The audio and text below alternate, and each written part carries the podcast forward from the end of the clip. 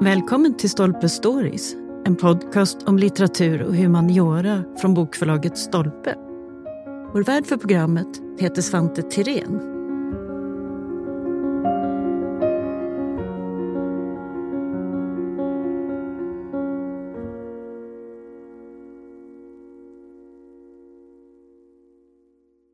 I boken Svenskarna och det heliga landet så får vi en bred skildring av de många svenskar som sökt sig till Jerusalem genom historien. En av dem var Selma Lagerlöf som här fick inspiration till romanen Jerusalem från 1901. Den blev hennes internationella genombrott som författare och en av anledningarna till att hon fick Nobelpriset i litteratur. Anna Nordlund är docent i litteraturvetenskap vid Uppsala universitet. Hon har skrivit en stor biografi om Selma Lagerlöf men också undersökt just den här strapatsrika resan till Jerusalem. Hon är med oss här idag och ska berätta mer om vad som egentligen hände under den här resan och hur det gick till när några fromma utvandrare från Dalarna blev inspiration till världslitteratur. Välkommen hit Anna! Tack så mycket! Kul att vara här. När Selma påbörjar sin stora resa då, 1899, då är hon ju redan en uppburen och framgångsrik författare. Men det var ju Sverige hon hade skrivit om mest tidigare, så varför ville hon ut i världen? Jo, men det stämmer ju att hon mest hade skildrat Sverige, till exempel sin stora debutroman Gösta Berlings saga. Och hon togs ju emot som en författare och en sagoberätterska med förbindelser bakåt i tiden väldigt mycket. Som liksom återberättade sägner och så som hon hade hört i sin barndom. Och den store kritikern Oskar Levertin han skriver om henne som en liten, liten skolmamsell som har hela en gömd och glömd provinsmystik i sig.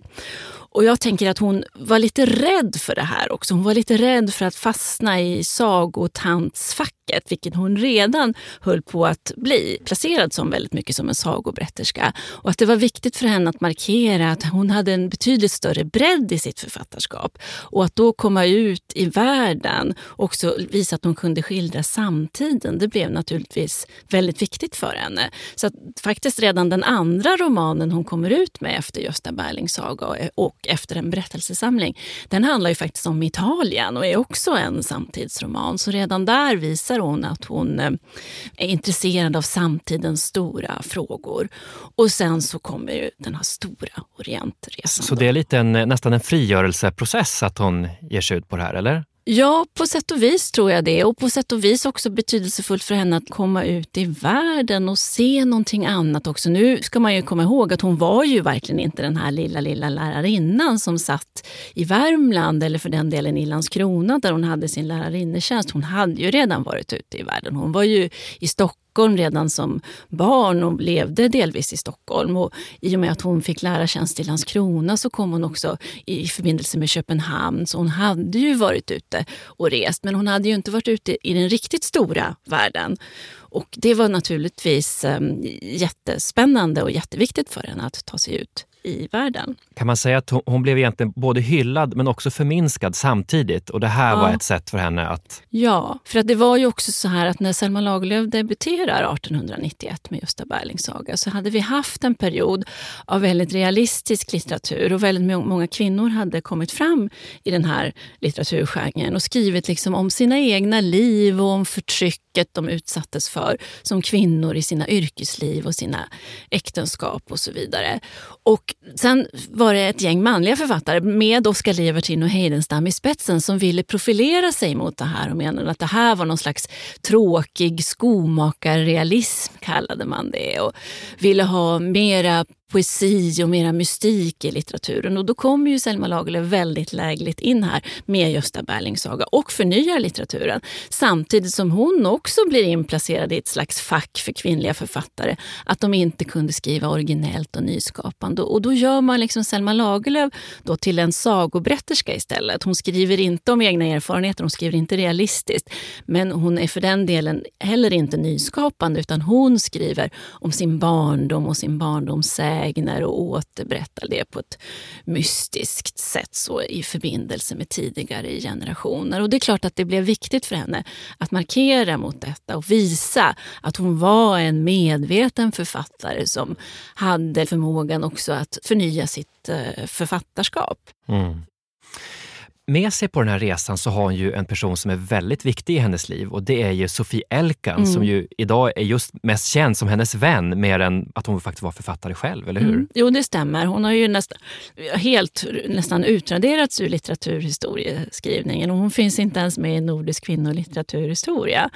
Det är ju ett lite tragiskt öde och hon är mest, mer, numera mest känd som Selma Lagerlöfs väninna och reskamrat som Selma Lagerlöf själv Men då var hon läst? Eller? Hon var läst. Hon var ju, när de träffades på nyåret 1894 här i Stockholm, så var ju Sofie Elkan minst lika känd författare som Selma Lagerlöf var. Även om Selma Lagerlöf kanske var lite intressantare som en up and coming författare. Så, så att, eh, Selma Lagerlöf hade skrivit eh, ett brev till Sofie Elkan som bodde i Göteborg och var några år äldre än Selma Lagerlöf. Hon var judinna och var änka. Hon, hennes Eh, man och hennes dotter som var tre år hade dött i tuberkulos. Och hon hade skrivit en novell om det här som hette Ensam som handlade just om den här erfarenheten av att en älskad man och en liten dotter går bort och att hon sen väljer att leva sitt liv som änka. Och hon gick alltid klädd i svart. Och Selma Lagerlöf blev väldigt berörd av den här berättelsen och skrev ett brev till Sofie. Och sen när Selma befinner sig i Stockholm på nyåret 94 så är Sofie också här och söker upp Selma Lagerlöf. Och det berättas då hur Sofie kommer in där och hon har ett svart sorgflor för ansiktet och Selma Lagerlöf lyfter på det här sorgfloret och säger Ni är mycket vacker, jag vet att vi kommer att bli vänner. Och Selma Lagerlöf blir ju upp över öronen förälskad ja. omedelbart. Det här är ju liksom hennes riktigt stora passion i livet skulle jag säga. Även om hon hade varit förälskad också tidigare. Vi kanske kan säga något kort om det, för det här har man ju pratat jättemycket mm. om. Just eh, Selmas privatliv och hennes relation till ja, framförallt Sofie Elkan men också Valborg Lander förstås. Hur romantisk eller inte var deras relation? Går det att säga? Jo, jag har ju nog, tycker jag ändå en ganska klar bild över vad som händer här. Selma Lagerlöf blir upp över öronen förälskad. Sofie Elkan blir också väldigt berörd av detta. Och de finner liksom varandra verkligen själsligen. Och Selma Lagerlöf börjar skriva passionerade kärleksbrev och vill gå över gränsen och även få någon slags kroppslig relation till Sofie Elkan. Men, och Sofie Elkan har svårt att hantera det här och svårt med de här gränsdragningarna. Det är ganska uppslitande, förstår man, av brevväxlingen. Och det blir någon form av förhandling här. Och, och till slut så säger Sofie mer eller mindre hands-off. Och det här utvecklas då mera till en, en intellektuell gemenskap. Och Sofie Elkan hon hade ju erfarenheter av män, hon hade varit gift och hade levt i ett lyckligt äktenskap. Medan ju Selma Lagerlöf aldrig hade någon erfarenhet av män utan hon hade ju också tidigare i livet blivit förälskad i kvinnor. En, en, laddad relation? Det var en laddad relation på flera olika sätt. För Sen kommer ju också den här problematiken in att de båda är författare. Och det blir också väldigt besvärligt. Men det är alltså Selma Lagerlöf och Sofie Elkan som tillsammans beger sig ut på mm. den här mm. stora resan. Och målet är ju förstås då Jerusalem och eh, romanen den bygger ju på en verklig händelse. Det är alltså de här djupt troende människorna från Nås i Dalarna som alltså tar sig hela vägen till Palestina för att leva ett, ett fromt liv. Kan du berätta lite, vad är egentligen det här för, för människor som tar sig en sån lång resa och är så troende på någonting. Mm. Ja, Selma Lagerlöfs första möte med det här det är sommaren 1897. Hon befinner sig i Visby på sommarnöje med Sofie. Och en morgon så kommer Sofie med en tidning och sticker den framför näsan på henne. Där står det en notis om de här dalabönderna från byn Nås som har utvandrat året innan, då 1896. Och det står i tidningen att de har funnit sig väl till rätta och nu har de skrivit hem och de vill ha plogar för att kunna börja odla marken. Och Selma Selma Lagerlöf blir ju direkt otroligt fascinerad av detta. Vad är det här för någonting? En grupp bönder från Nås. En stor grupp med ett tjugotal vuxna och, och deras barn som tar sig för att utvandra till Jerusalem. Hur har det gått till? Och vad har hänt med dem i Jerusalem? Och hon bestämmer sig för att det här är ju ämnet för en roman. Det här ska bli min nästa stora resa. Så det var slumpen som gjorde att hon fick upp ögonen för det här? Ja, och faktiskt ofta så var det så att det var tidningsnotiser som gav liksom första fröet till berättelser när Selma Lagerlöf skrev. Hon såg någonting dramatiskt i en tidningsartikel och såg det här är liksom fröet till en stor berättelse. Mm. Och så var det ju verkligen i det här fallet också. Men det här med att det svenskar som reser då ända till eh, Jerusalem, för de här var ju då en, en religiös grupp förstås mm. som åkte dit av det skälet. Men fanns det andra resenärer som brukade ta sig till Palestina och ja, Jerusalem? Ja, absolut. Det, var ju, alltså det hade ju varit ända sedan medeltiden en pilgrimsstad. Mm förstås. Och heliga Birgitta begav sig till Jerusalem och och eh, några generationer före, någon generation före Selma Lagerlöf var ju Fredrika Bremer där också. Så att visst hade man rest i Jerusalem och visst förekom det mycket alltså resor dit. Men det var ju, alltså Selma Lagerlöf och Sofie de reser ju ut på en stor, de är ju, de är borta i nästan ett år. Och deras första stopp är ju Kairo. Eh, och där ska Sofie hämta stoff till sin roman Drömmen om Österlandet. Och där möts de ju av ett överflödigt lyx och det är en kolonialturism med brittiskor och amerikanskor och de umgås i de diplomatiska kretsarna och de är med om fantastiska saker. Det, I den verkliga toppsocieteten. Ja. Ja, eh, och umgås med andra svenska resenärer också ur den absoluta överklassen. Sen när de kommer till Jerusalem så är det någonting helt annat för där är det ju religiöst orienterat mm. och det är missionärer och det är pilgrimer och det är en helt...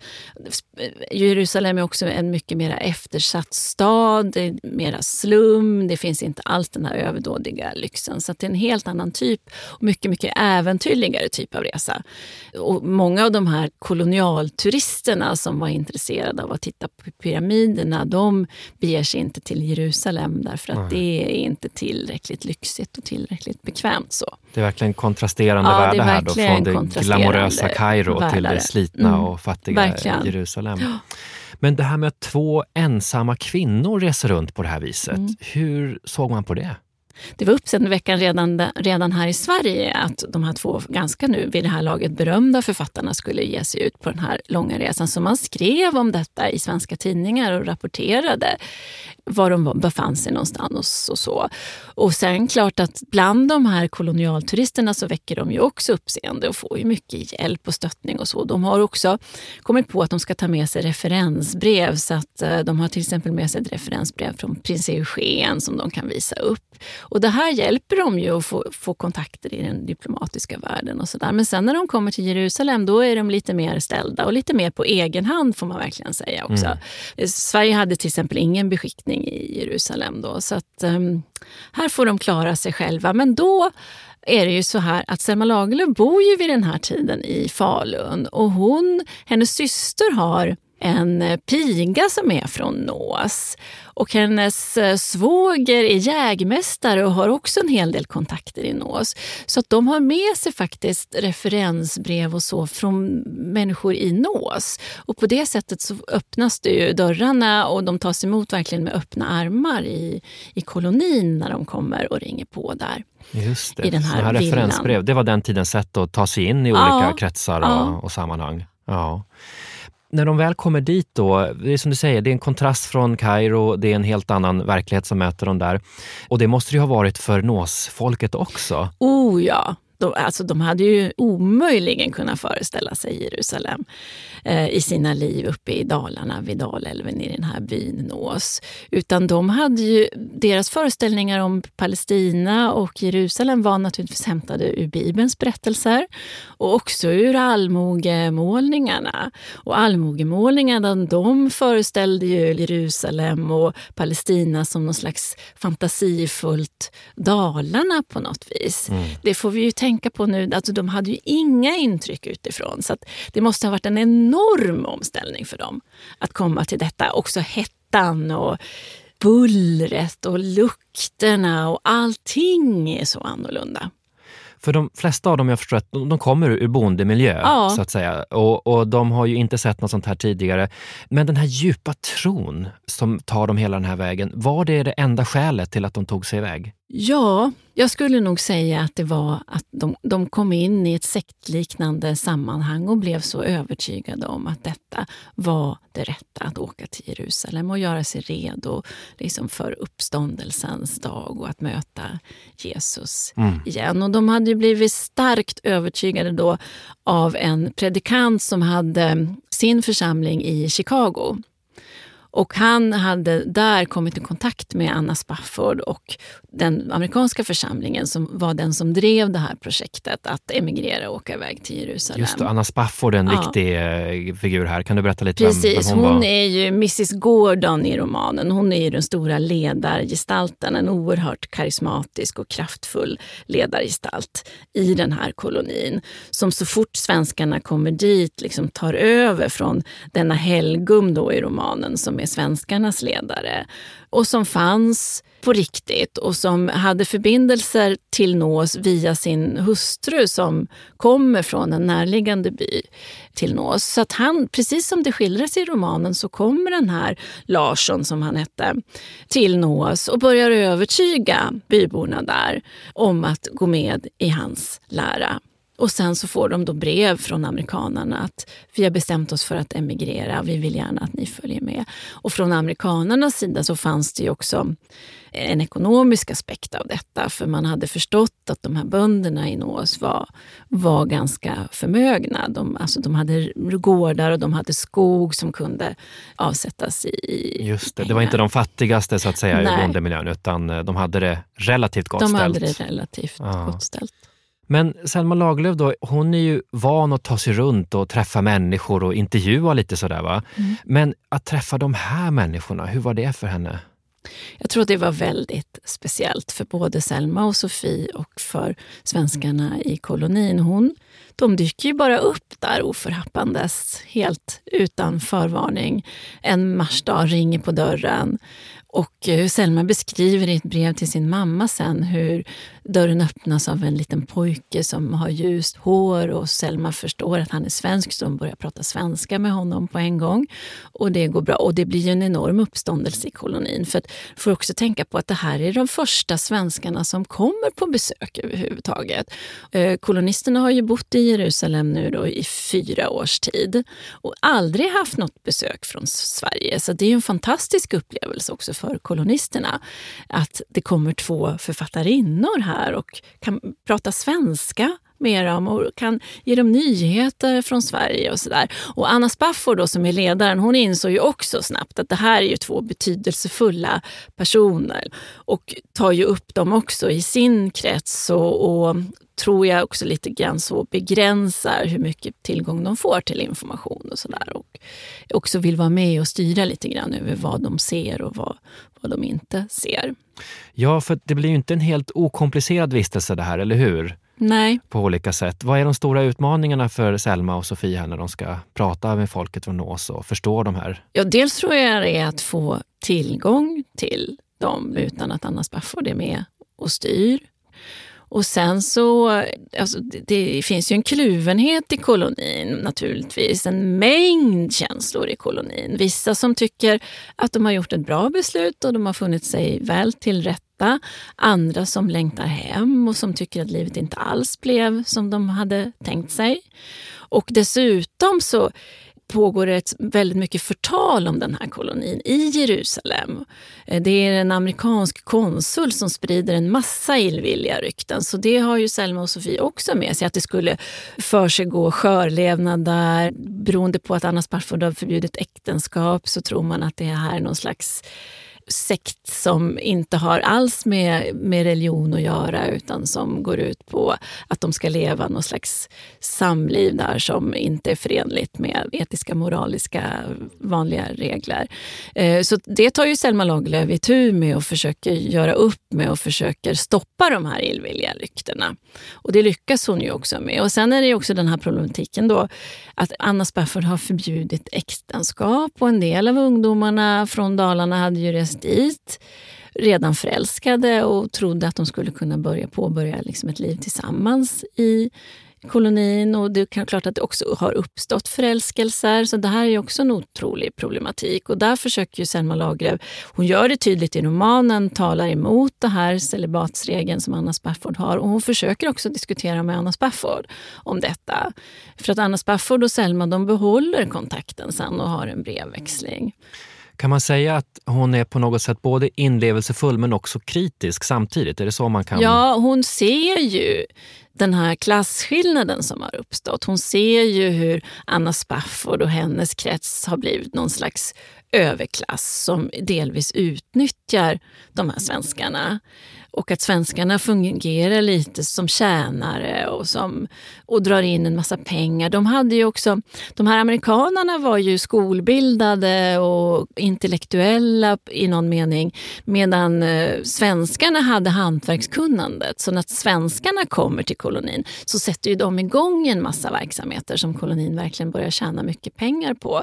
Som mejeri och odlingar och väveri och sådana saker. Så de är en inkomstkälla Så de är verkligen säga. en Ja. inkomstkälla. Och vid det här laget när Selma kommer dit så har de ju också startat den här fantastiska fotoateljén och det är ju också svenskar med och driver på i det och de har fotograferat eh, den tyska kejsar Wilhelms besök och börjat få ganska mycket uppmärksamhet kring fotoateljén och de har börjat sälja små souvenirer och souvenirkort och på olika sätt. Och det här skildras ju också i romanen.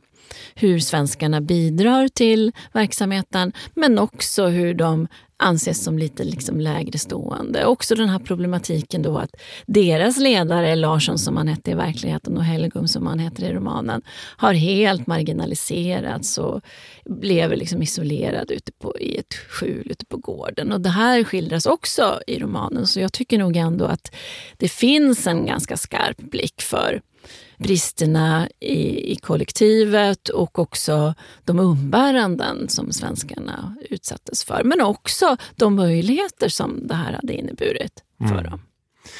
När man som författare skriver om eh, händelser som är baserade på verkligheten och sådär så möter man det här etiska dilemmat. Mm. Alltså hur, hur exakt ska man vara? Mm. Och jag menar, det här är väl djupt traumatiserade människor delvis. Va? Det har varit flera dödsfall, de har ju en, en, en svår resa bakom sig. Hur hanterar hon det här med att inte vara för avslöjande samtidigt som Mm. hon ändå vill fånga dem? Hur, Mm. hur gör hon? Det här är ju ett jätteintressant problem och det var ju mindre vanligt vid den här tiden att man skrev dokumentärt på det sättet som hon delvis gör. Och jag tror att både Nåsborna i Nås, alltså släktingar och vänner och så som är kvar i Nås och de Nåsbönderna då som hade utvandrat, de hade nog en föreställning om att Selma Lagerlöf nu skulle komma och berätta liksom sanningen, vad de hade varit med om och skildra dem och att de skulle få liksom upprättelse och att släkt och vänner i hemma i Nås skulle få veta vad det var som egentligen hade hänt. Men Selma Lagerlöf hon är ju romanförfattare så att hon fiktionaliserar ju det här väldigt, väldigt mycket. Det är ju ingen av hennes huvudpersoner, figurerna i romanerna som man kan föra tillbaka direkt på olika personer i NÅS-kollektivet. Och det här blir en stor frustration för man tycker då att Selma Lagerlöf har har ljugit, hon har inte visat det som det var och då, hon skildrar olika kärlekshistorier och det var inte på det sättet och Så, där. så att det blir ju det blir ganska traumatiskt detta. Så det som hon egentligen gjorde av lite hänsyn, att blanda upp karaktärer, så här, det tolkade man som en förvrängning? Blev det så? Ja, man kände inte igen sig och man tyckte att det här det blev liksom någonting annat. Det blev en, en kärleksroman om stora moraliska konflikter. Det handlar inte om det vi har varit med om. så. Ja, ingen lätt sits för, för någon av dem, varken för Nej. Selma Lagerlöf eller Nåsborna. Det berättas väl fortfarande det där med att hon inte skulle ha besökt då Larsson? Stämmer det? Ja, och det tror jag stämmer. Och det tror jag beror också på Anna Spafford, att hon var hindrad då att Så det var inte Selmas Larsson. fel i första hand, utan hon, hon blev Ja, det är klart att hon eller? hade kunnat sagt ifrån och sagt tydligt att hon ville träffa honom. Men, men eh, nej, det, det blev inte så. Ja. När det här sen då blir en roman så blir det ju hennes internationella mm. genombrott och det är fortfarande en väldigt omtalad bok i, i hennes stora litterära mm. produktion. Vad kommer den med för nytt i Selma? Alltså vad, vad, är det, vad finns det i Jerusalem som inte har funnits i hennes tidigare böcker? Mm. Ja, den är enklare berättad för det första. Kortare meningar och det är mera liksom Skildringar, realistiska skildringar. Och hon har mycket mera dialog i den här romanen. Och hon har också, vilket ju egentligen kommer lite senare i litteraturhistorien, så har hon den här inre monologstekniken på ett väldigt nydanande sätt.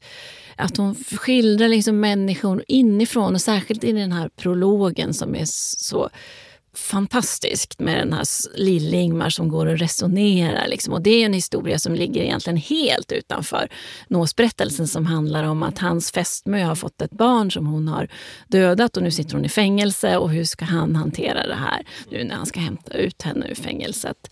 Och hans resonemang där med den inre monologstekniken är väldigt nydanande. Men sen är det hela också tematiken, att det var någonting helt nytt detta att skildra landsbygdsbefolkningen befolkningen och enkla bönder på detta vis. Det hade man gjort, men då lite mer som folklivsskildringar och lite med blicken ovanifrån som Strindberg till exempel i Hemsöborna som gör ganska mycket narr av de här skärgårdsbönderna som han skildrar. Men här är det en författare som går in i de här människorna, skildrar dem inifrån, skildrar dem som storslagna människor med stora liksom, moraliska problem och dilemman och känslor och och bekymmer.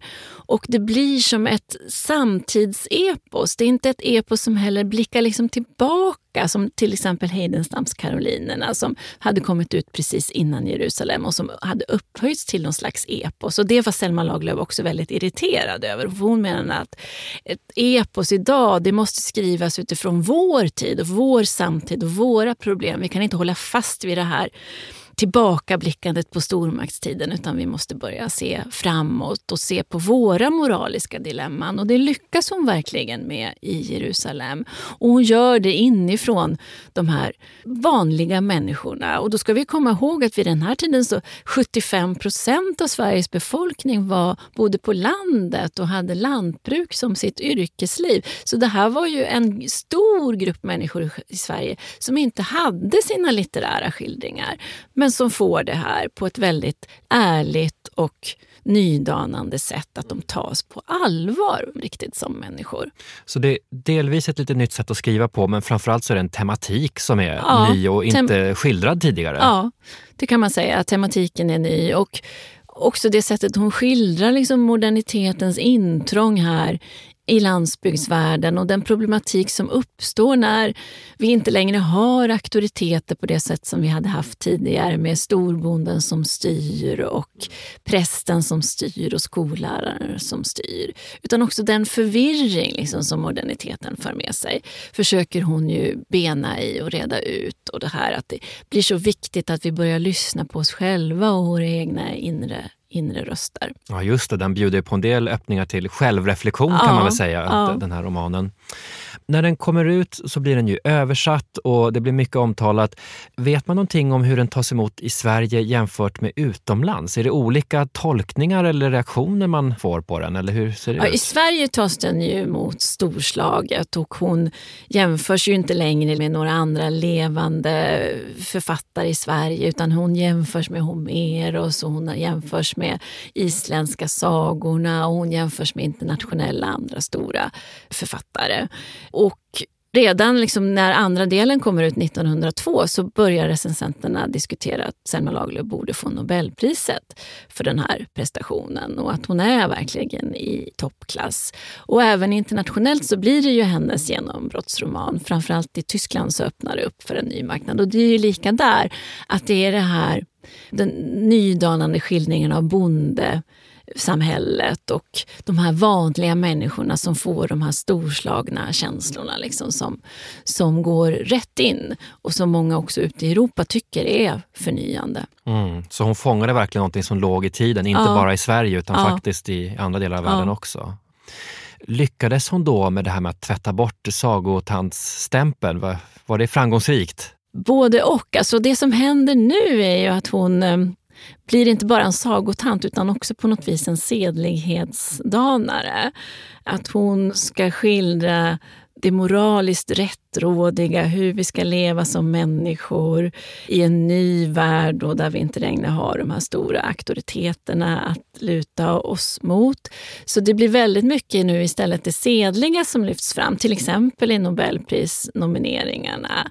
Att hon är en så renhjärtad och god författare och att vi har så mycket att lära av henne hur vi ska leva våra liv. Så nu blir det en slags kombo av att hon är en fantastisk sagoberätterska och hon är också den här sedlighetsdanaren. Mm. Så kanske inte helt borta, men det blev korrigerat eller utökat? Ja, kan man ja säga. det blev utökat. Men ja. det, det intressanta är ju att båda det här är ju roller som passar väldigt väl i den tidens också kvinnobild och kvinnouppfattning. Ja. Så det tror jag ju är en av förklaringarna utöver det att hon var en sån fantastisk storslagen författare som det var omöjligt att förbise.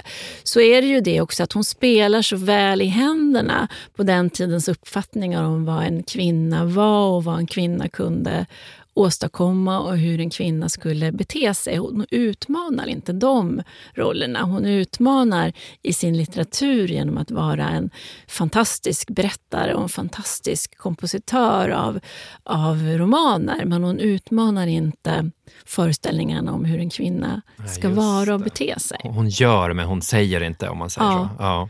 Hon är ju väldigt duktig på att parera och verka på dubbla arenor. Verka liksom på den här manliga arenan där hon spelar ner sin egen betydelse men också vara på kvinnorörelsens arena. Och det blir väldigt intressant att se hur hon, allt eftersom hon plockar in alla de här framgångarna och priserna med Nobelpriset och sen invalet i Svenska Akademin och sådär, hur hon blir också tycker jag mer och mer radikal i sitt författarskap och vågar gå mer öppet ut och uh, stå för kvinnorörelsen. Mm, liksom. Det är ett steg längre mm. ändå i den här radikaliteten. Du är ju en av författarna till den här boken som mm. heter Svenskarna och det heliga landet. Och där är det ju många exempel på svenskar som rest och varit i Palestina och Jerusalem och så. Är det här en lite osynlig historia tror du? Alltså, vi, underskattar vi egentligen hur mycket det här har betytt för vår litteratur och kultur att så många svenskar har ja, varit alltså, där? Det går, nog inte, det går nog egentligen inte att överskatta tror jag hur Nej. mycket mycket Palestina och Bibelns berättelser och så har betytt för vår litteratur på så många olika plan. Inte minst språkligt och i sättet att bygga metaforer och symbolik och sådär så har ju bibelöversättningar, Karl XIIs bibel, betytt otroligt mycket för den här generationen författare. Mm. Så det finns mer att upptäcka i alla fall kring den här det historien. Det finns mer och sen naturligtvis också de resor som gjordes ända från medeltiden och framåt så har det ju gjorts enormt mycket resor till Palestina av svenskar på olika sätt.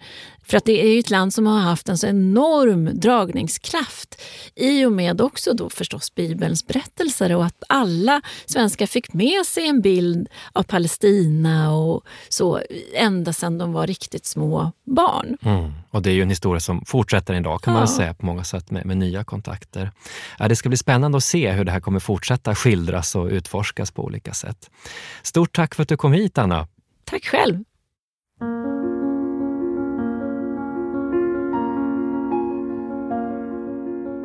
Tack för att du har lyssnat på Stolpe Stories. Missa inte att du som lyssnar har 20% rabatt på bokförlaget Stolpes titlar hos Bokus.com. Aktivera rabatten genom att ange koden STOLPE20. Och för att lyssna på fler avsnitt, följ oss där poddar finns och på sociala medier.